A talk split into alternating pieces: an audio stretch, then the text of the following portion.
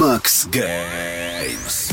Witajcie z tej strony Dawid Miązek i zapraszam Was ponownie na Max Games, podcast o grach wideo. To znaczy właściwie nie tylko o grach wideo, ale dzisiaj akurat zajmiemy się wyłącznie tytułami elektronicznymi, dwoma. A będą to hit ostatnich dni, Days Gone i mniej może znana, ale godna uwagi strategia Driftland. No to zaczynamy. Od Days Gone. To jest flagowy tegoroczny ekskluzyw od Sonego na konsolę PlayStation 4. Days Gone to jest e, gra akcji osadzona w świecie po apokalipsie zombie na amerykańskiej prowincji. Świat zalała fala zombiaków, a my wcielamy się w jednego z nielicznych ocalałych, Dikona, weterana wojennego, ale przed apokalipsą członka motocyklowej bandy. I właśnie na motocyklu przemierzamy drogi i bezdroża stanu Oregon, wykonując misje dla kolejnych obozów ocalałych. Gra w założeniu to jest taki miks e, The Last of Us, Dying Light, e, może trochę Mad Maxa, no i też widać wyraźnie, że twórcy inspirowali się serią Far Cry. Mamy otwarty świat, mamy zombiaki, mamy misje, które ciężko powiedzieć, żeby tworzyły razem jakąś sensowną, główną oś fabularną. Wykonujemy misje w dowolnej kolejności, trochę podobnie jak Far Cry. Zdobywamy zaufanie różnych frakcji i jakoś ta fabuła, która ma doprowadzić do odnalezienia albo nieodnalezienia ukochanej Dikona się pcha do przodu, ale nie czujemy za bardzo tej historii. I tu, no właśnie, zatrzymajmy się na chwilę, bo z jednej strony da się wyczuć e, chyba z tonu moich słów, że nie do końca mnie to przekonuje, z drugiej strony, jeśli ktoś śledzi Max Games regularnie, to wie, że e, to samo serii Far Cry. I nie przeszkadza mi to, że fabuła jest naciągana, że wykonujemy misje, które tak naprawdę nie tworzą spójnej fabuły, tylko jakiś tam mniej lub bardziej koszlawy szkielet. No właśnie, rzecz jest w tym, że Far Cry to gra, która od dłuższego czasu, myślę, że od trójki, wyewoluowała w taką stronę, że przede wszystkim mechanika, a fabuła a, jakaś tam musi być. Tymczasem Days Gone od pierwszych chwil, od fajnego, emocjonalnego intra, w którym oglądamy jak nasz bohater rozdziela się z ukochaną, obiecuje nam niejako świetną historię, a potem w tej warstwie fabularnej mocno rozczarowuje. Fabuła jest niespójna, momentami miałka i nie mamy wrażenia, że kolejne wydarzenia są e, efektem naszych działań. Także w mojej ocenie z tą fabułą to po prostu rzeczywistość kontra rozbudzone oczekiwania. Chociaż żeby nie było, że się tylko czepiam, to ta historia też ma swoje dobre momenty i chwyta czasem za serce, a poza tym w innych recenzjach widziałem, że fabuła niektórym przypadła do gustu, więc no, jeden rabin powie tak, drugi rabin powie nie. Ale zostawiając fabułę, najważniejsze pytanie, czy gra się fajnie? Tak, gra się fajnie, a jeśli uwielbiacie gry z otwartym światem, to nawet bardzo fajnie. Jeździmy sobie od obozu do obozu, eksplorując ogromny, otwarty świat, przemykając się czasem przez całe zgraje zombiaków, a czasem idąc na y, frontalne starcie. Co prawda też czasem Days Gone by, bywa dość e, wtórne, powtarzalne, wiele misji to jest takie typowe jedź, zabij, przynieś coś i odbierz nagrodę. No do tego strasznie jeszcze potrafię wkurzać dłużyzny w cutscenkach, ale mimo to, tak od gameplayowej strony, to jest naprawdę e, przyjemnie. Zacznijmy od podstaw może. Mówiłem o tym, że poruszamy się po mapie na motocyklu i model jazdy na tym motocyklu jest naprawdę świetny. Nie za prosty, ale jednak przystępny i dający wiele możliwości. Czasem będziemy omijać przeszkody, czasem slalomować między zombiakami, innym razem je taranować. No sporo się dzieje. E, w wielu recenzjach twórcom oberwało się za to, że błyskawicznie wyczerpuje się benzyna w naszym motorze i co chwilę musimy dolewać e, paliwo do baku. Znaleźć paliwo nie jest jakoś bardzo trudno, bo pełno jest porzuconych aut przy drodze, ale samo jego ciągłe uzupełnianie jest irytujące.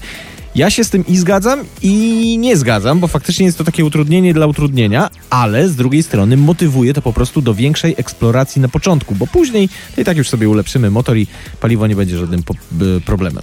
E, poza tym kwestia paliwa e, daje jeszcze jeden fajny efekt, albo nie fajny, zależy jak na to patrzeć. Jeśli zaaferowani misją zapomnimy o benzynie, a wcale nie jest o to trudno, e, i nagle się okaże, że daleko od bezpiecznej kryjówki nasz motocykl odmawia posłuszeństwa, a my znajdujemy się w jakiejś głuszy wśród lasów, lasów, gdzie w każdym zakamarku może się czekać zgraja agresywnych zombiaków, no to to jest taki skok adrenaliny, że głowa mała. Także polecam pilnować wskaźnika paliwa, żeby uniknąć takich przygód. A jeśli chodzi o same zombiaki, no to no trochę już tych gier z zombie w otwartym albo półotwartym świecie było i w żadnej z nich zombie nie były większym zagrożeniem niż ludzie. Tu jest podobnie. Naszymi największymi rywalami będą jednak przeciwnicy z jakichś wrogich frakcji, a nie nieumarli, którzy są tutaj, no nie chcę powiedzieć przeszkadzajką, bo to by była przesada, ale nie traktujemy tu ich tak e, jak na przykład w Resident Evil. Większość z nich zagrożenia nie stanowi. Wyjątkiem są momenty, kiedy wchodzimy do ciemnych stref, gdzie naprawdę niebezpieczeństwo czai się za każdym rogiem i kiedy mierzymy się z hordą. No, horda to jest już inna bajka,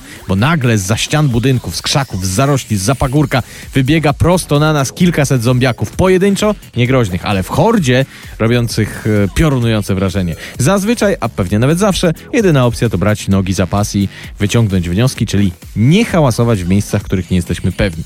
Warto też e, dwa słowa powiedzieć o świecie, który jest największą zaletą i największą wadą Days Gone. E, zaletą, bo oddany w grze stan Oregon jest piękny, ogromny, szczegółowy i żywy, zmienia się pogoda, e, zwierzęta gdzieś tam walczą z zombiakami, coś się dzieje. Nie wiem, czy nie jest to najpiękniejszy i najbardziej dopracowany świat gry. Na pewno przebija Far Cry 5, na pewno GTA 5 może Wiedźmina 3. Ustępuje moim zdaniem jedynie Red Dead Redemption 2, choć są na pewno tacy, którzy by się kłócili i ja bym bardzo się przy swoim zdaniu też nie, upier nie upierał w, takim, w takiej dyskusji. No ale powiedziałem, że jest też wadą ten świat gry.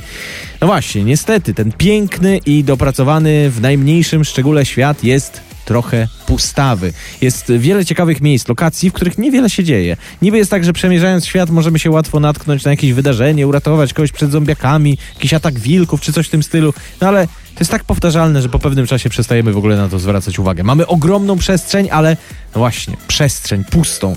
Tego mi brakuje, jakiegoś wypełnienia i większej y, różnorodności napotkanych y, wydarzeń.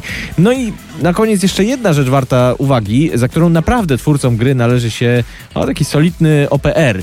Tylu bugów w grze AAA, AAA, czyli takiej z najwyższej półki, to nie kojarzę od czasów Wiedźmina 3 chyba. Poczynając od dziwnego zachowania NPC-ów czasem przez znikające zombiaki, po jakieś dziwne akcje podczas misji. Mnie się na przykład kiedyś e, e, przeciwnik zastygł i mogłem sobie do niego strzelać, a on nic. Stał jak rzeźba i się nie ruszał. No, no i nie mogłem w ten sposób zaliczyć misji. Trzeba było robić reset, wykonać misję od nowa, a czytałem, że innym jeszcze dziwniejsze sytuacje się e, przytrafiały. Pewnie większość tych bugów w chwili, gdy tego słuchacie, jest już poprawiona, ale i tak dziwne, że we flagowym produkcie e, przygotowywanym i testowanym przez kilka lat coś takiego e, się zdarza.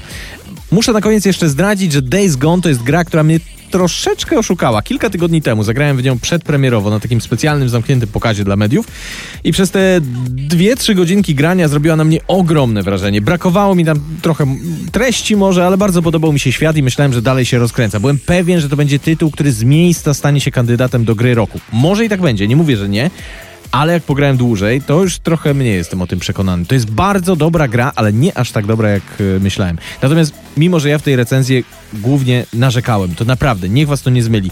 To moje narzekanie wynika tylko z oczekiwań. Jeszcze raz powtórzę, to jest bardzo dobra gra. Owszem, miała być lepsza, zapowiadała się lepiej. Owszem, nie jest to gra wybitna, ale jeśli ktoś mnie zapyta, czy warto w Days Gone zagrać, no to odpowiem, oczywiście, że warto. Ode mnie e, dla Days Gone takie 4 plus na granicy z 5 minus. Max Games. No a teraz druga gra, którą bierzemy na tapet, coś dla miłośników strategii dla miłośników magicznych, baśniowych klimatów. Zapraszam Was na recenzję Driftland The Magic Revival.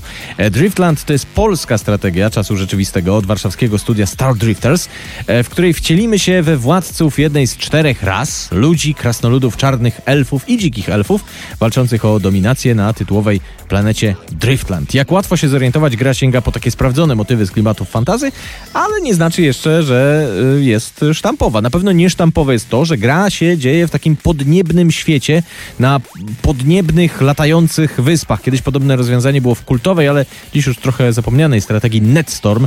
To była taka bardzo specyficzna strategia, bo, bo jej bardzo istotną częścią było budowanie mostów, a budowało się je z takich tetrisowych klocków. No brzmi to może dziwnie, ale do dziś jest sporo grono osób, które się w Netstorm zagrywają. Ale zostawmy ten Netstorm. W Driftland takiej mechaniki nie ma. Driftland to jest klasyczny RTS, w którym staramy się najpierw e, zadbać o taką podstawową ekonomię i surowce, eksplorując mocno nasze, nasze wyspy, a następnie stworzyć albo, albo ulepszyć jednostki bojowe. Generalnie do tego momentu standard, choć na pewno ekonomia ma tu trochę większe znaczenie, jest bardziej rozbudowana niż w innych RTS-ach. Natomiast tak naprawdę różnicą jest to, że nie będziemy tu operować wielkimi albo nawet średnimi armiami złożonymi z setek e, jednostek, raczej to będą kilkunasto, czas, czasem nawet kilkuosobowe oddziały e, naszych bohaterów ze zróżnicowanymi umiejętnościami. To, co jeszcze bardziej Driftland wyróżnia, to jest spora autonomia naszych jednostek. Nie możemy skierować ich e, w konkretne miejsce i kazać tam wroga zajść od tyłu, czy od flanki, czy coś. Wydajemy rozkaz ataku, a potem patrzymy, co zrobią nasi bohaterowie. Generalnie całkiem fajnie się to e, rozwiązanie sprawdza, choć czasem bywa irytujące. E, warto jeszcze wspomnieć o unikatowości każdej z ras. Mają dużo cech wspólnych, natomiast każdą z frakcji gra się jednak troszeczkę inaczej i fajnie. No i pamiętajmy o magii, którą dysponuje każda z ras i która jest naszą tajną bronią i asem w rękawie podczas starć. To, co jeszcze trzeba na pewno powiedzieć o Driftland, to jest to, że ta gra jest absolutnie piękna, graficznie ekstra klasa. Cały podniebny świat, budynki, jednostki, szczegółowość, zróżnicowanie. Twórcy spisali się tutaj na medal. Zresztą ta estetyka gry prze, przekłada się też na cały klimat, bo muzyczka jest taka mocno jakaś baśniowa, jakbyśmy się przenieśli do jakiejś narni. Wygląd tych naszych budynków, no wszystko po prostu jest takie e, niesamowicie nasycone tym klimatem i bardzo ładne. E, to, gdzie twórcy się dla odmiany nie spisali, to jest natomiast cała warstwa fabularna, która jest... E, no moim zdaniem najzwyczajniej nudna. Okej, okay, w strategię nie gra się dla fabuły, ale jak już jest kampania, to mogłaby być e, troszeczkę chociaż ciekawsza. Nie dyskwalifikuje to dla mnie tej gry, po prostu odnotowuje. Natomiast co do samej rozgrywki, to większych, większych zastrzeżeń nie mam, a też doceniam to, że twórcy cały czas ten tytuł rozwijają i pewnie jeszcze trochę kontentu po premierze wpadnie. Takie rzeczy zawsze warto chwalić, no więc chwalę i całościowo też Driftland bardzo chwalę i, i wam polecam. A ocena ode mnie 4+. Max Games.